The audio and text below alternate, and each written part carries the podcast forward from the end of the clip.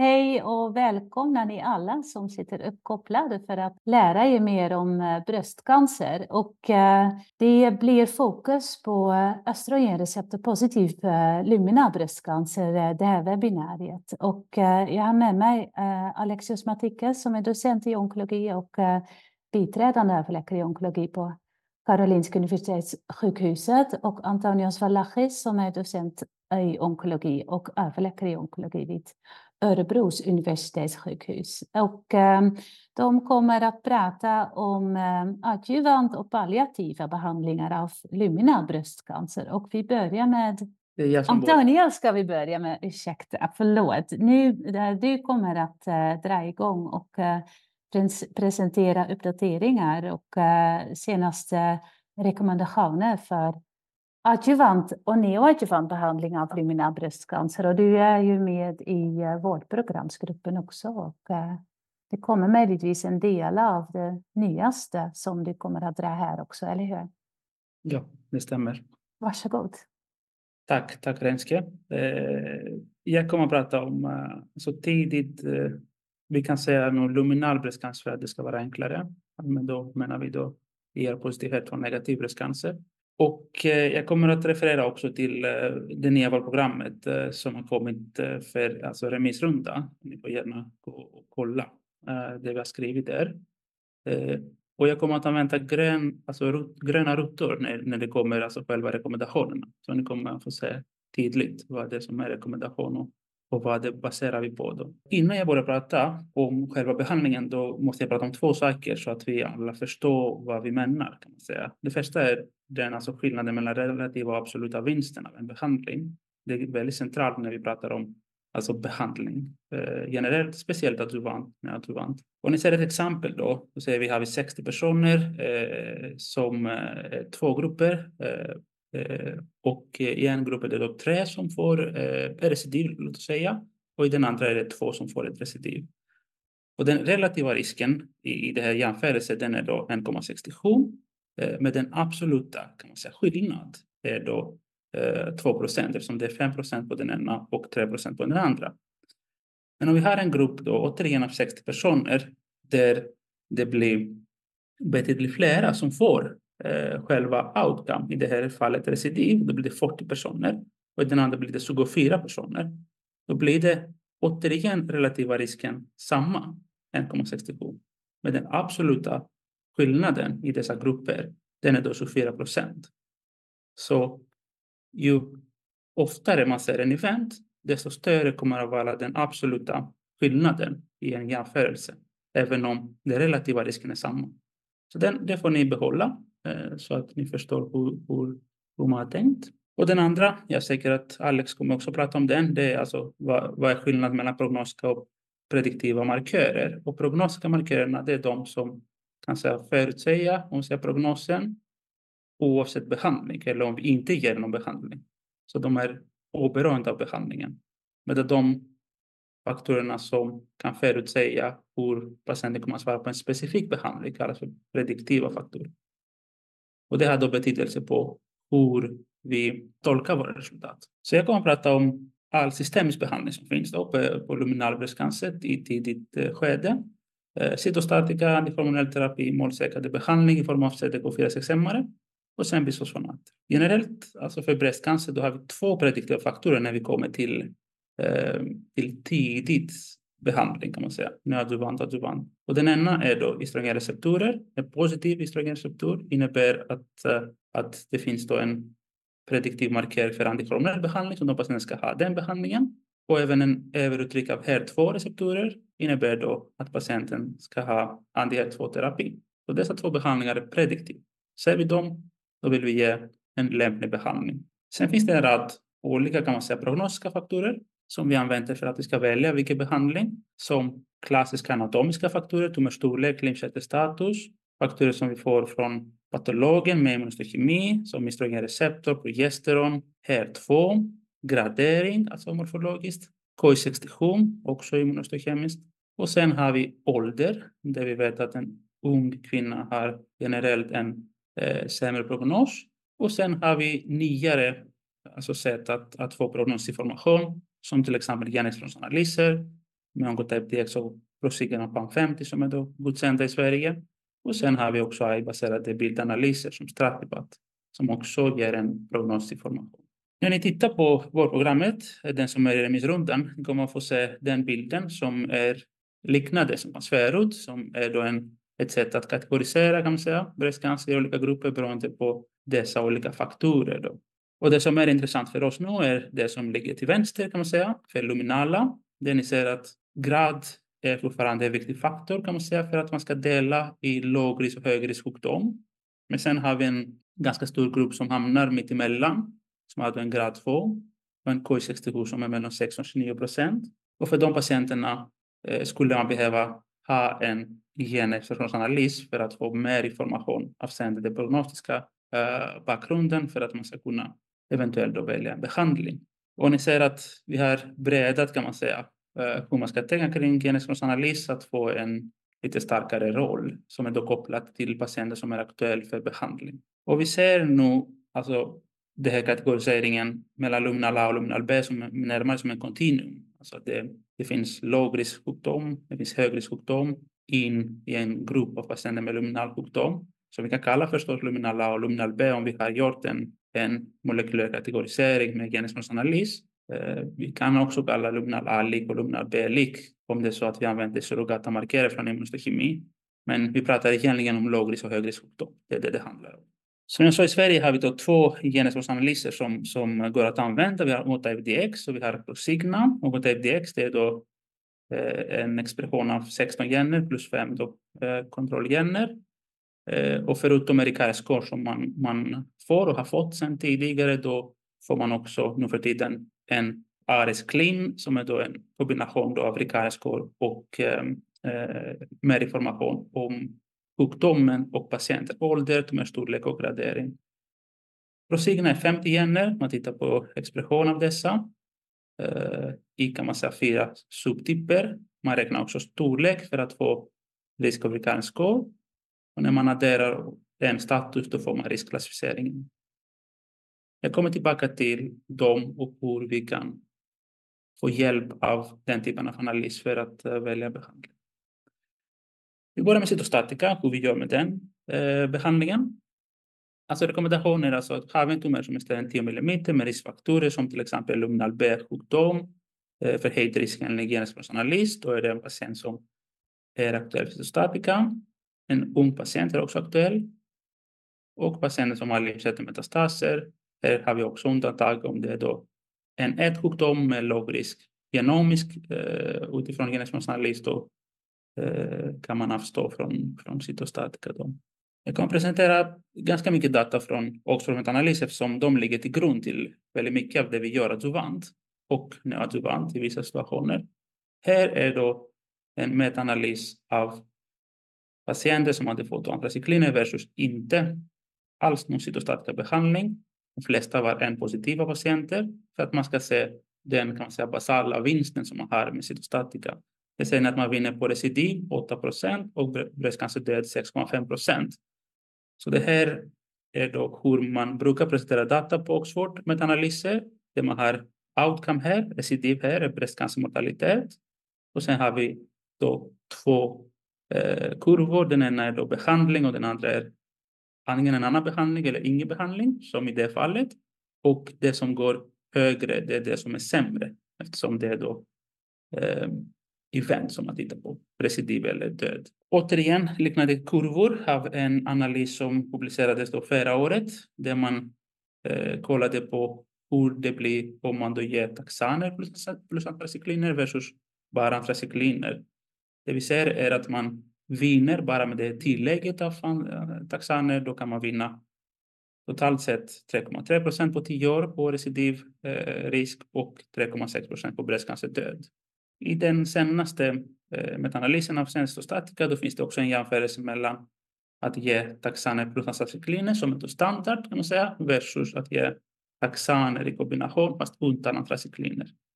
Det man ser är att det är något bättre att ge taxaner plus antracykliner eh, med en vinst på recidiv på 2,5 procent och på bröstcancerdöd 1,8 procent.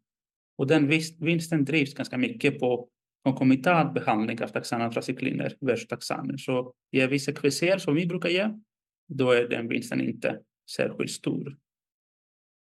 Men det vi kan säga av alla dessa analyser är att taxanerna och antracykliner är det som kan man säga, dominerar. Det, det gör ändå kan man säga det är det som är vår standardbehandling. Och det, dessa analyser som ligger bakom eh, den rekommendationen.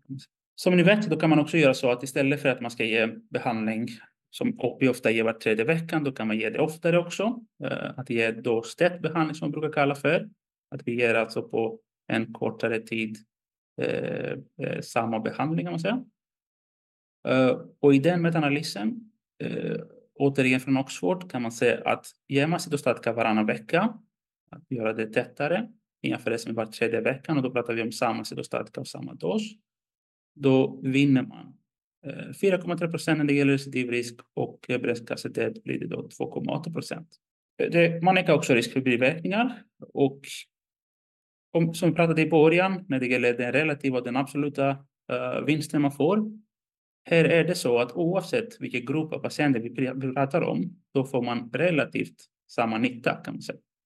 Men i och med att vi vet att det blir negativa biverkningar, då behöver vi titta den absoluta vinsten som varje patientgrupp får.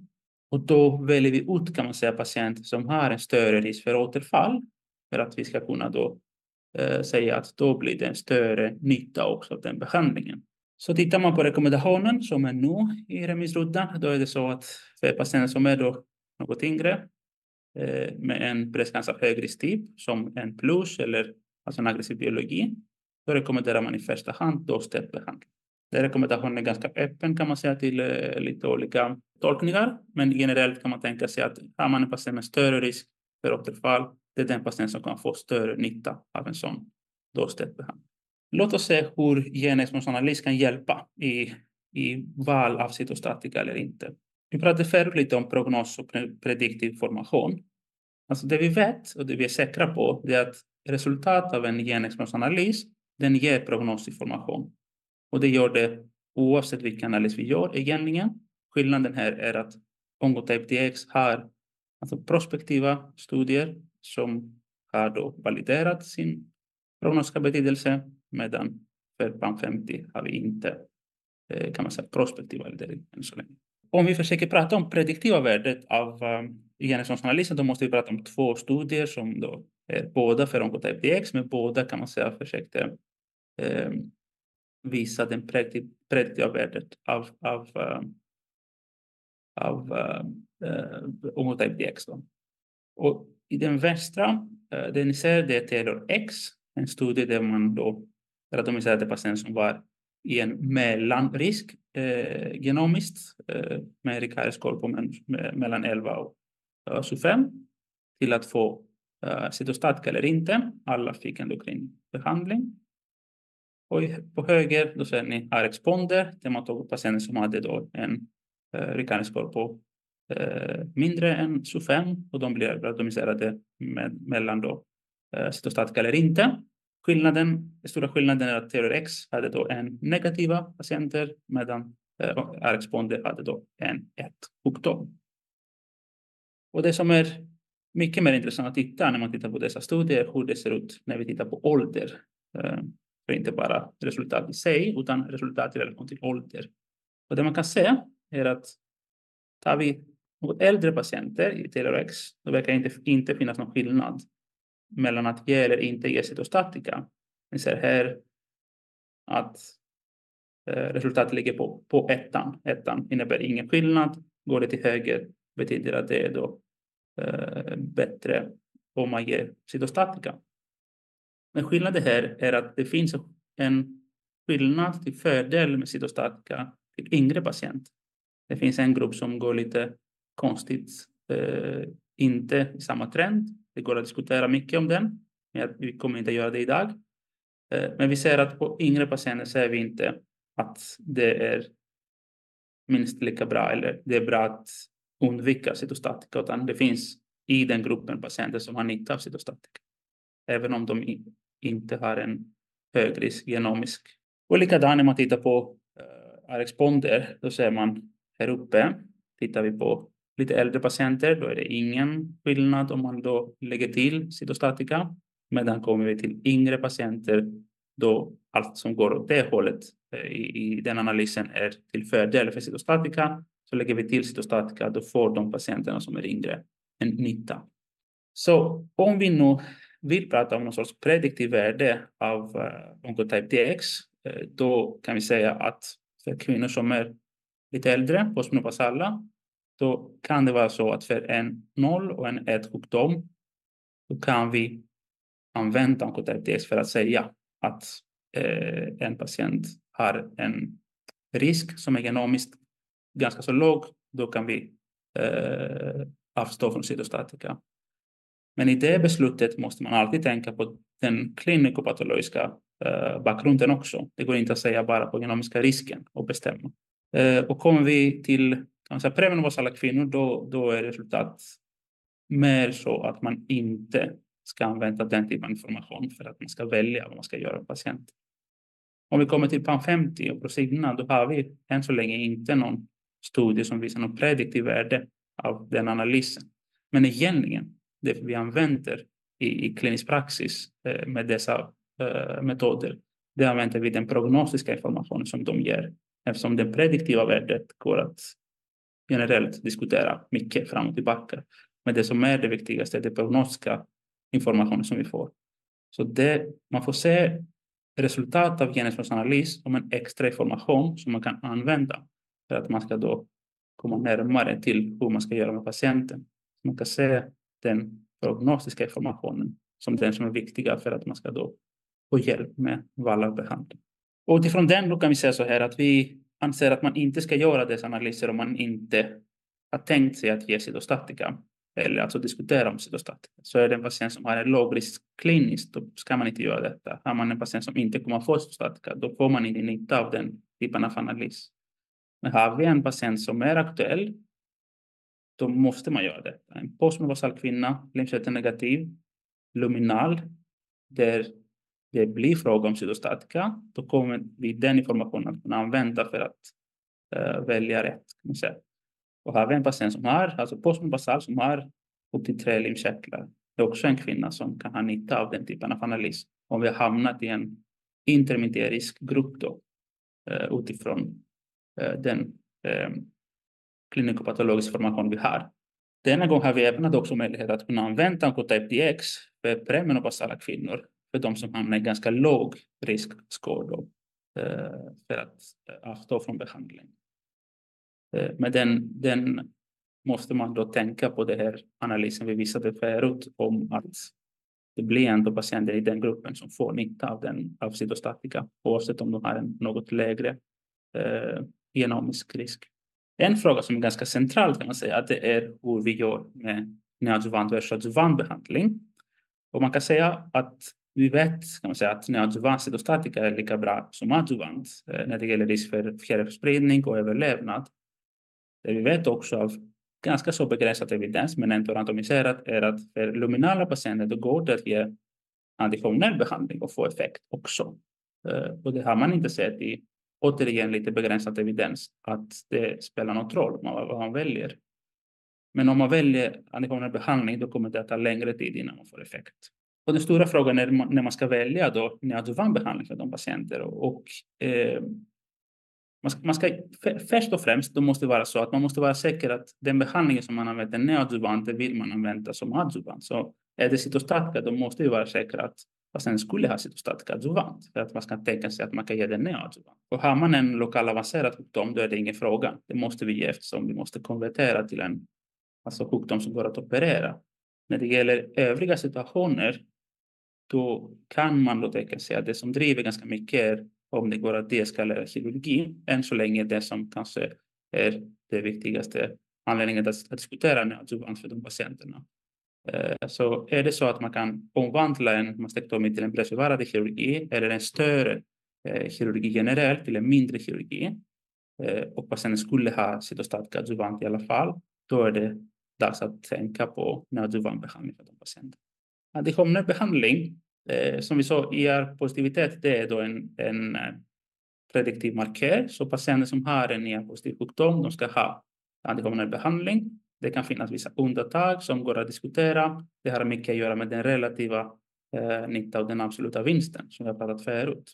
Om vi tittar återigen på metanalysen hur det ser ut, då eh, vet vi att eh, eh, man får en stor nytta om man får antihormonell behandling. Vi ser här tamoxifen versus ingen behandling på ER-positiva, en stor vinst på recidiv och bröstcancerdöd. Tittar vi på postmenopasala aromatasemmare versus tamoxifen, då vet vi att det är lite vassare att ge aromatasemmare. Recidiv, vinst på recidiv är 3,6 procent på 10 år, bröstcancerdöd 2,1 procent. Så ger vi aromatasemmare på postmenopasala, då får vi lite bättre effekt. Och det är det vi rekommenderar också. Eh, det finns studier som har jämfört eh, sekvensbehandling med bara aromatasemmare. Här har vi inte någon skillnad, så man skulle kunna välja antingen sekvensbehandling eller bara aromatasemmare på, eh, på postmenopasala kvinnor utan att tänka så mycket mer på den. Och varje suppression eh, som tillägg till, till antikommunal behandling? Det har man sett i en metanalys som inte är publicerad, men den är presenterad att man kan vinna eh, ganska mycket, speciellt alltså förstås på promenopausala kvinnor, speciellt på de som eh, är premenopausala efter cytostatika och extra på de som är yngre kan man säga. Och utifrån den informationen då är det så här att rekommendationen är att har vi en patient som är då yngre än 45 år och har en risknivå som motiverar cytostatika, då är det en kvinna som ska ha en kombination av GnRH-analog och eh, tamoxifen eller aromatasemmare. Om man tänker på vad man ska välja för eh, behandling, om man ska välja tamoxifen eller aromatasemmare, då finns det evidens som tyder på att det är något bättre när det gäller recidiv-risk att ge Aromatasämmare faktiskt. Men eftersom vinsten är liten, då får man fundera på den absoluta nytta som man gör utifrån risken som man har för patienten. Vår rekommendation är att man ska ge då aromatasämmare om man har patienter som har en hög risk för återfall, som kan vara då yngre patienter, större tumörer, klinchetter metastatisk sjukdom eller en biologiskt mer aggressiv sjukdom. Förutom den behandlingen som är upp till fem år, då har vi behandlingen som ska, måste fortsätta efter fem år eh, för vissa patienter. Vi vet från den stora metanalysen att risken fortsätter öka med tiden efter de första fem åren för vissa patienter, eller för många patienter skulle jag säga. Och det har mycket att göra med hur många lymfsättare man har, hur, många, hur stor är tumören. Men generellt är risken ganska så stor vilket motiverar att man ska då förlänga behandlingen för vissa patienter.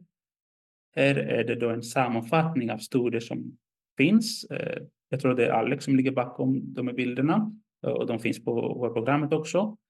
Ehm, olika situationer kan man säga. Man kanske har givit tamoxifen fem år. Man kan fortsätta med tamoxifen eller byta till aromatasämmare på postmobasalla. Man kanske har givit sekvensbehandling och sen kan man fortsätta med aromatasämmare. Eh, eller man kanske kan ge Eh, lite kortare varianter av aromatasemmare, eh, två eller tre år istället för fem år. Oavsett vad man tittar, då är det så här att man ser en vinst på eh, sjukdomsfri överlevnad på de flesta av de studierna. Inte så tydlig vinst på överlevnad, men, men det blir bättre. Det blir bättre lite mer oavsett vilken patient vi har framför oss. Men återigen måste vi titta på den kan man säga, absoluta vinsten som de får. Så då måste vi tänka på patienter som har en större risk för återfall. Och då tänker vi att en plus är en tydlig kan man säga, gräns där vi tänker att okay, här har vi en patient som behöver tänka sig kanske att ge en, eller man behöver tänka sig att ge en förlängd behandling. Eh, det finns ingen bra verktyg för att vi ska kunna välja i övrigt. Det finns en, ett verktyg som heter CTS 5 det ser ut på det sättet när man tittar på nätet. Den är fri att titta på uh, och den predikterar ganska så bra, speciellt på postmobasala kvinnor, hur det ser ut med senare recidiv, alltså år 5 till 10. Så man skulle kunna få någon sorts uh, värdering av en patient och kunna använda den informationen för att välja. Man kan inte säga att man ska absolut ta den risken och applicera den, men man kan få en, en, en liten hint. De senaste åren har det kommit möjlighet också att ge en utökad adjuvantbehandling på patienter som har hög risk. De är resultat av Monark E-studien där man lade till abemaciclib, en CTK4-6-hämmare, i två år versus placebo. Man såg en tydlig vinst på sjukdomsfri överlevnad och eh, fjärrmetastasfri överlevnad. Eh, inte någon överlevnadsvinst generellt än så länge, men det är inte färdig analys än.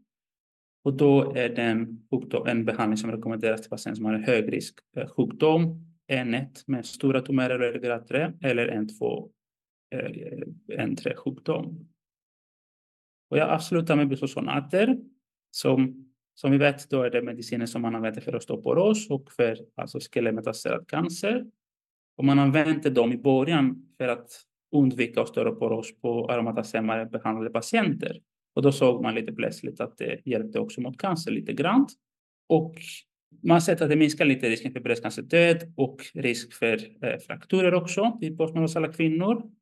Och det finns ett par studier som visar att det kanske hjälper lite när det gäller DFS på yngre kvinnor som står på variell suppression. Det här är de metaanalyser som ligger bakom. Eh, där man ser att vinsten när det gäller sliv i skelettet är 2,2 procent. När det gäller bröstcancerdöden 3,3 procent. Ganska alltså blygsamma kan man säga siffror, men ändå hittar man då en högriskgrupp av patienter, då kan de ha nytta av den behandlingen. Så rekommendationen är att för postmenopausala kvinnor, då är det en plus sjukdom som vi ska behandla med den behandlingen i tre år.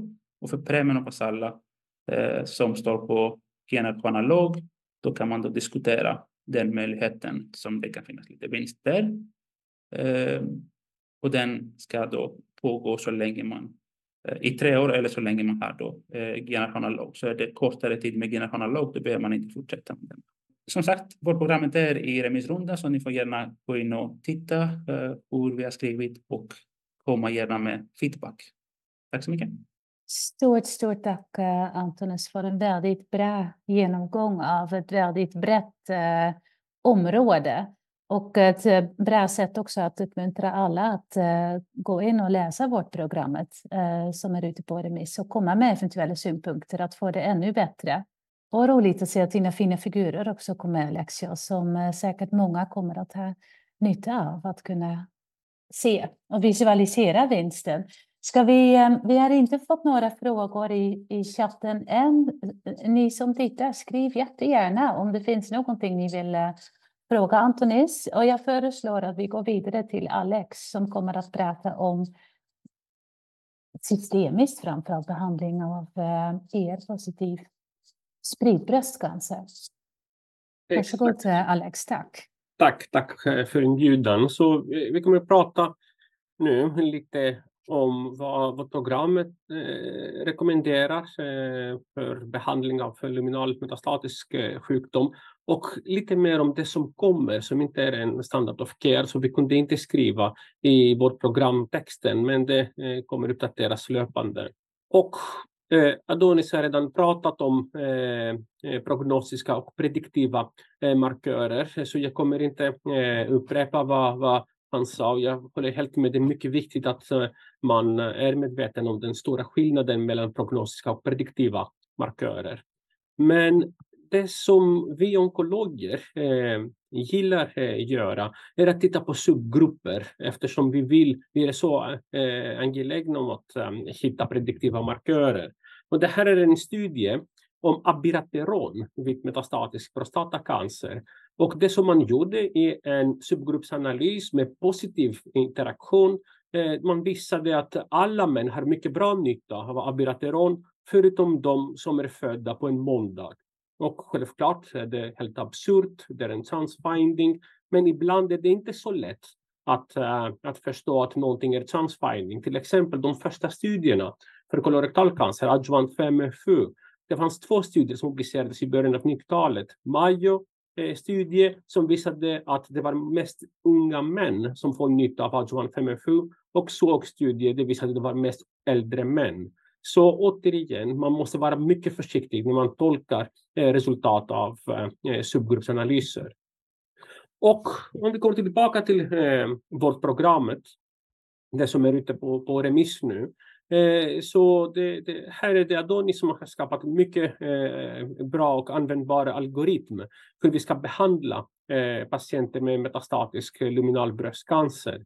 Att man kan eh, behandla i första linje med, antingen med bara endokrinbehandling eller med CDK4-6-hämmare och eh, aromatashämmare. I andra linje med Fulvestrand och eh, CDK4-6-hämmare om eh, inte given tidigare Eh, eller eh, med alpelisib plus fulvestrant på PIK3C-muterade patienter. Och det som rekommenderas nu är ribociclib i första hand eh, som CDK4-6-hämmare, abemaciclib och palbociclib i andra hand. Och jag kommer berätta varför. Och första delen av min presentation handlar om målriktade behandlingar. Och som eh, Adonis sa, hormonreceptor eh, uttrycker ett mycket, är en mycket stark både prognostisk och prediktiv eh, markör. Så hormonpositiva cancrar svarar på endokrin behandling. De här, de här första data från BCTCG-metanalys 2011 som visade att det var endast hormonreceptorpositiva patienter, estrogenreceptorpositiva patienter som fick nytta av adjuvant tamoxifen. Men Eh, cancerceller eh, utvecklar resistens och det finns många mekanismer.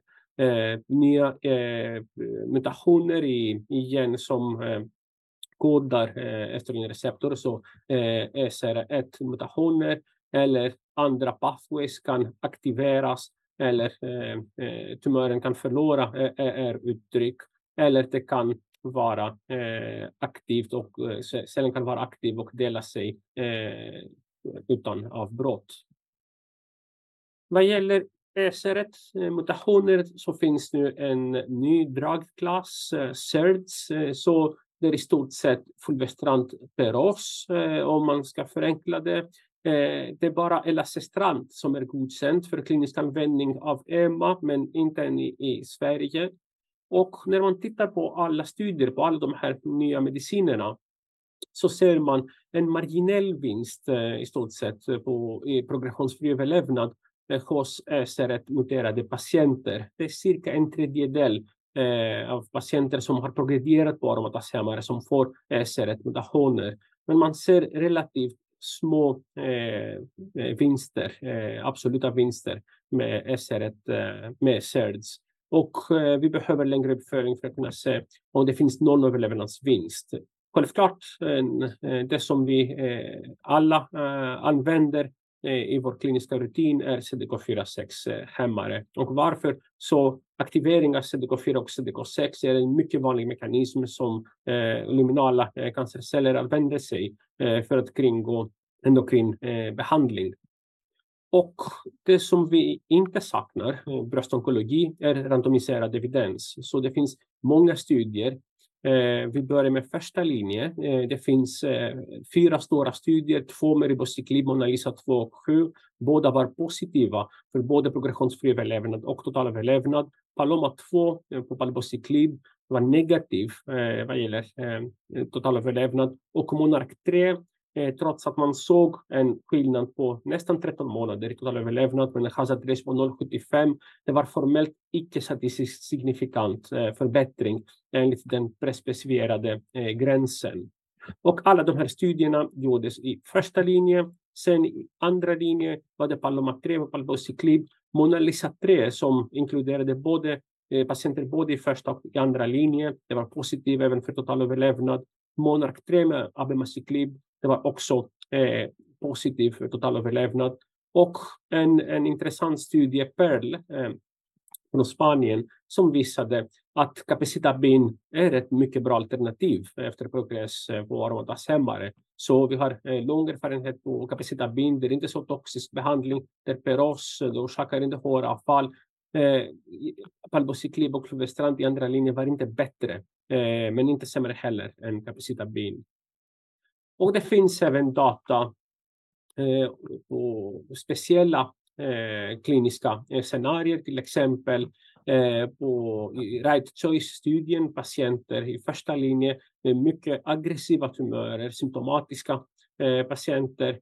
Hälften hade visceral kris, då jämförde man första linjens ribociclib och letrozol jämfört med kemoterapikombination. Det var docetaxel, capecitabin eller paclitaxel gemcitabin man kunde välja. Eh, och progressionsfri överlevnad var eh, eh, mycket längre med ribociclib. Man har inte rapporterat total överlevnad. Och det finns även tre studier på CDK4/6-hämmare i andra linjen efter progress på CDK4/6-hämmare i första linjen. En positiv maintain-studie, en liten skillnad i progressionsfri överlevnad och två negativa PACE och Palmyra-studierna med palbociclib. Så det har inte blivit eh, eh, standard of care. Alla de här tre studierna är ganska små, eh, drygt 100 patienter i maintain som jag visar här. Och vi väntar på eh, bekräftelse av postmonarkstudien med abemaciclib som är mycket större, 350 patienter, och den är färdig inkluderad. Om vi tittar, så varför har vi eh, vår programgruppen rekommenderat i första hand eh, ribociclib? Om vi tittar eh, på alla eh, tre eh, studier så ser man som sagt eh, eh en skillnad på totalöverlevnad eh, som var statistiskt signifikant endast i Mona Lisa 2-studien. Eh, Samtidigt behöver vi kommentera om vi verkligen behöver Eh, börja med CDK4-6-hämmare i första linjen eller om det går bra att initiera behandling med aromatashämmare som monoterapi och sen byta till CDK4-6-hämmare plus fulvestrant vid progress.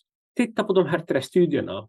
Det var knappt en tredjedel i de här studierna av de som hade inkluderats i studien och randomiserats till endast aromatashämmare som fick CDK4-6-hämmare i andra linjen eller senare. Knappt en tredjedel. Med andra ord, patienter som hade behandlats i kontrollarmarna i de här studierna fick en något svagare behandling än vad, de, vad vi gör nu i vår kliniska rutin. I princip alla patienter med luminal metastatisk sjukdom får CDK4-6-hämmare antingen i första eller i andra linjen. Och det som hände, och jag måste gratulera, det var den holländska regeringen som finansierade en studie, Sonia-studien, som presenterades på ASCO i, i somras. Här randomiserades drygt tusen patienter, så en större studie, eh, till antingen aromatashämmare plus dekofirasaxhämmare i första linjen och byte till fulvestrant vid progress, eller start med aromatashämmare monoterapi och byte till fulvestrant och CDK4 fyra sexhämmare vid progress. Och primary endpoint var progressionsfri överlevnad efter båda linjerna och sen secondary endpoint var total överlevnad. Och vi såg ingen statistiskt signifikant skillnad i primary endpoint, i progressionsfri överlevnad. Och absolut ingen skillnad och ingen signal alls att total överlevnad är bättre när man börjar med CDK4-6-hämmare. Så det borde inte vara de facto val att börja med CDK4-6-hämmare. Säkert många patienter behöver det. Patienter som har eh, symptomatiska tumörer som behöver en snabb respons och som har hög tumörbörda. Men det borde inte vara de facto val för alla. En annan grupp eh, av målriktade behandlingar är eh, PIK3CA-hämmare, ACT-hämmare och mTOR-hämmare. Så mutationer i pathway är ganska vanliga vid bröstcancer. Det är cirka 40 procent, 40-50 procent av luminala bröstcancerar som har mutation PIGTRIC-ACT eller mTOR. 20 eh, procent av HER2-positiva och 10 procent av trippelnegativa cancerar. Och vi ser här i en metaanalys av olika studier att PIK3CA-mutation är en positiv prognosisfaktor vid tidig bröstcancer och negativ prognosisfaktor vid metastatisk bröstcancer, luminal bröstcancer. Med andra ord, PIK3C-muterade tumörer recidiverar lite mindre jämfört med PIK3C wild type, men om de recidiverar, då har de aggressivare beteende. Och man kan blockera hela pathway. Eh, vi börjar så vi började använda Everolimus efter Bolero 2-studien 2012, för 12 år sedan, eh, som är mTOR-hämmare. Det var eh, förbättrad progressionsfri överlevnad eh, jämfört med bara Xemestan efter progress på. Vi använder Alpelisib hos PIK3C-muterade patienter. Återigen efter progress på försäljningsbehandling. Och nu finns även ACT-hämmare, Capivasertib, som efter progress på både CDK4-6-hämmare och eh, aromatashämmare ser man bättre progressionsfri överlevnad, till och med oavsett akt eller PIK3CA-mutationer. Men godkännande i USA handlar om bara PIK3CA och aktmuterade patienter. Det är inte godkänt än av EMA. Små kommentarer om målriktade behandlingar. Så jag vill bara upprepa det som presentatören sa eh, på Sonja-studien. Så till patienter, skulle ni acceptera en behandling som eh, förbättrar varken total överlevnad eller quality of life? Till onkologer, skulle ni rekommendera en, en sån behandling som orsakar så mycket mer grad 3 och 4 biverkningar. En sån behandling betyder start på alla patienter med CDK4-6-hämmare. Och till Försäkringskassan, om ni skulle behandla, så acceptera att behandla en sån behandling som kostar 200 000 US dollar per patient. Men det finns svagheter med Sonja-studien. Fulvestrant är inte längre standard of care i andra linjer. En tredjedel kan få alpelisib, nu kommer capivasertib också, så det finns alternativ. Man kan till och med fundera på att eh, ge CDK4-6MR beyond progression. Sen, våra framtida patienter kommer ha fått adjuvant abemaciclib och sen recidiverat efter adjuvant abemaciclib. Så det är inte precis samma sjukdom vi kommer behandla om 50 år. Och sen det som man ser mer och mer i studier, i pågående kliniska studier, är att kombinera CDK4-6-hämmare och PIK3CA eller ACT-hämmare. Och kanske det blir standard of care. Och några ord om antibody drug conjugates eller ADCs, eftersom det är någonting som nyss blivit godkänt i, i Sverige med eh, användning av en HER2 mot eh, HER2 low eh, metastatisk bröstcancer. Kanske vi behöver inte visa det, men vad betyder HER2 low egentligen? Det är cirka 40 till 55 procent av alla bröstcancer och 80 procent av alla HER2 low eh, cancer är hormonreceptorpositiva, 20 procent är trippelnegativa. Eller tvärtom, två tredjedelar av alla luminala bröstcancer, den grupp som vi fokuserar på idag, är HER2 low. Så det är mycket, ett mycket relevant godkännande. Och data som vi har nu visar att det inte är en separat sjukdom. Så genomiskt är det precis samma cancer som HER2 negativ, HER2 noll, när man justerar eh, för eh, hormonreceptoruttryck. Det finns många studier, bland annat en mycket stor eh, studie där man gjorde sekvensering på eh, drygt tusen patienter. Men HER2 low är en mycket relevant prediktiv markör för användning av en HERTO, trastuzumab deruxtecan. Det godkännande baseras på Destiny Breast 04-studien.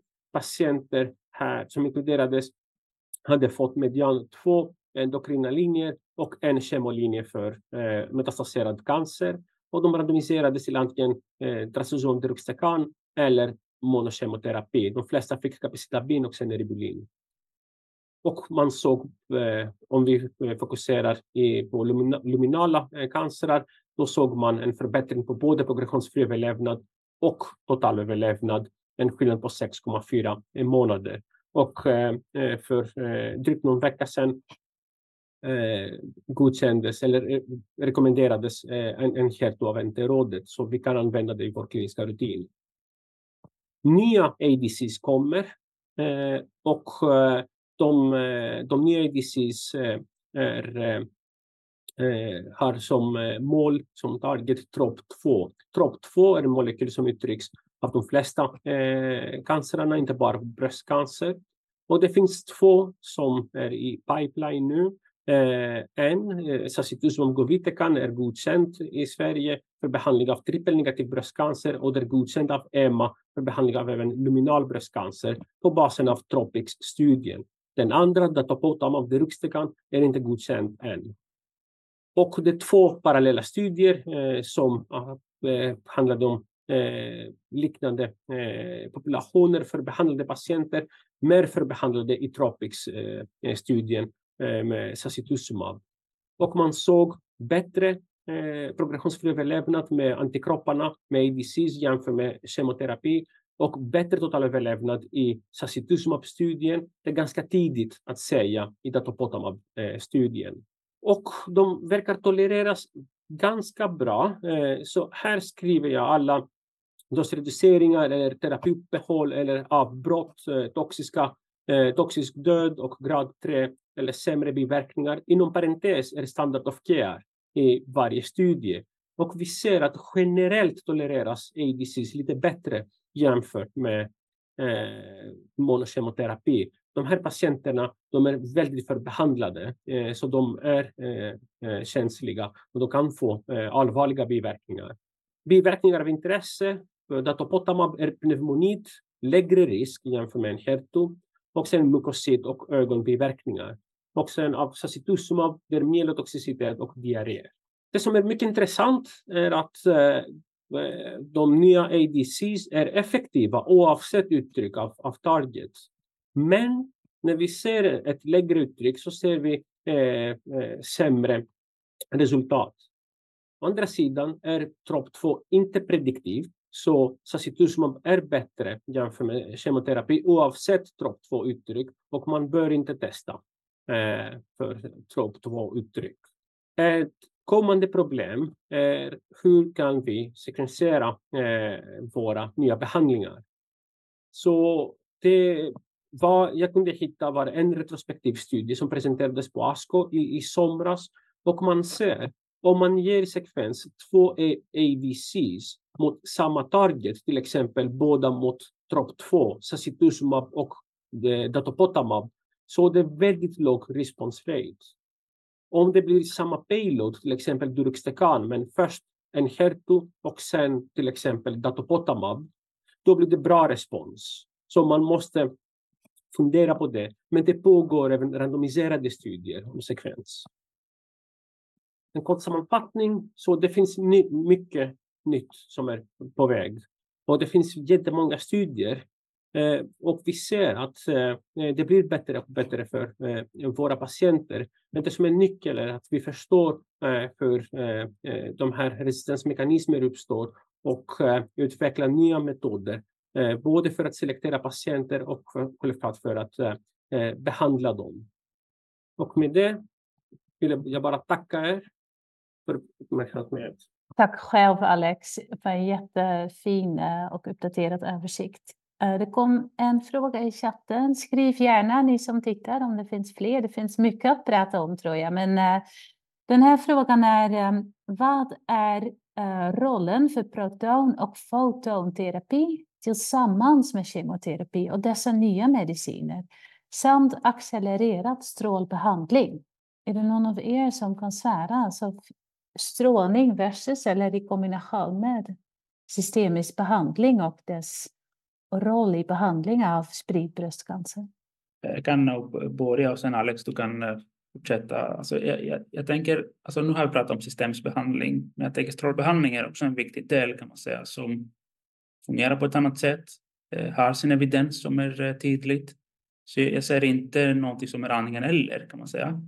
Det som, det som är eh, intressant att se alltså när det gäller strålbehandlingen, när det gäller accelererad strålbehandling, om vi tänker alltså den fast forward data, då, då tycker jag att de data pratar av sig själva kan man säga. Att det verkar vara det vi behöver göra, alltså att vi behöver inte ge strålbehandling tre veckor. Då. Det jag kan säga bara är att det, det, när vi får de här nya behandlingar, det vi saknar väldigt mycket, det är hur vi kan använda dem tillsammans med strålbehandling.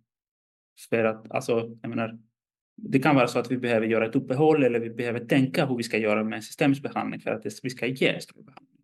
Och den typen av data saknas ganska mycket för eh, våra nya behandlingar.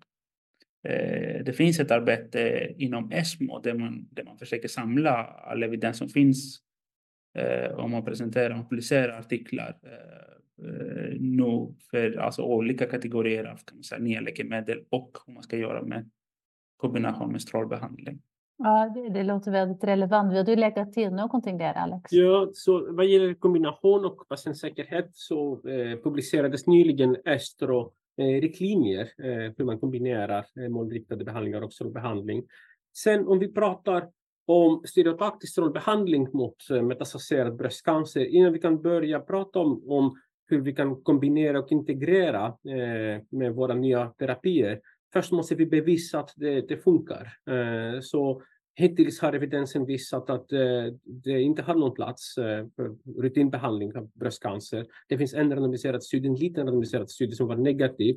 Det pågår nu en studie i Sverige och vi måste verkligen inkludera och randomisera patienter för att kunna få bättre svar på den frågan. Och sen kan vi börja liksom, optimera SPRT och målriktade behandlingar. Mm, mm. Och det är Taormina studien från Göteborg som Exakt. du. Som det är Barbro Linderholm som är eh, PI. Ja, ja. Fråga från onkologen i Växjö. Tack för bra presentationer. Uh, när tänker ni att en HER2 kommer in? Vilken linje vid metastatisk sjukdom för HER2 low? Så godkännande är efter progress på en kemolinje vid metastatisk sjukdom eller recidiv inom sex månader efter avslutad adjuvant cytostatika. Så ja, jag skulle bara följa godkännande och som egentligen baseras på Destiny Breast 04-studien. Eh, så efter endokrinbehandling, efter två linjer av endokrinbehandling, efter en linje med, med cytostatika skulle jag eh, tänka mig eh, Eh, använda en HER2. Jag, skulle, jag kommer absolut använda en HER2 eftersom vi vet att det är en effektiv medicin.